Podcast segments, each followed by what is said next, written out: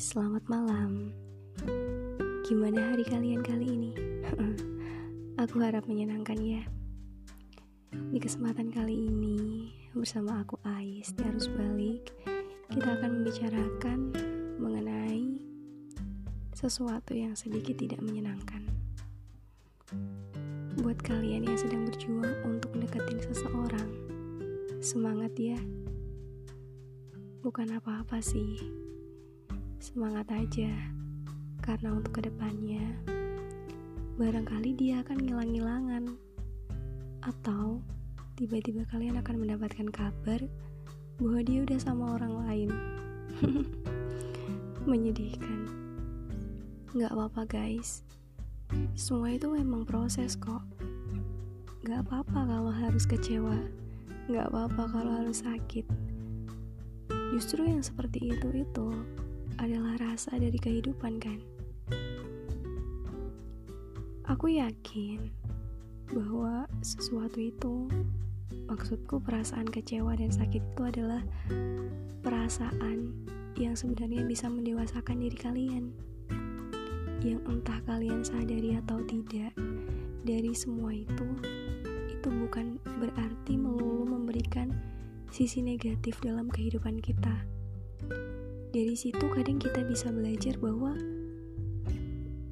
bahwa memperbaiki diri itu penting gitu. Agar apa? Agar kita mampu untuk bersaing. Karena nggak nggak munafik dong seseorang itu memilih yang terbaik. Nah di situ kita harus berpikir apa sih yang kurang dari diri kita? Kenapa dia bisa milih orang lain ya Kenapa dia bisa nyaman sama orang lain? Apa mungkin aku kurang ini, kurang itu? Jangan insecure, guys. Memperbaiki diri itu penting, tapi kalian juga harus menyayangi diri kalian sendiri. Memperbaiki diri itu bukan merubah diri kalian. Memperbaiki diri itu, kalian harus menjadi yang lebih baik.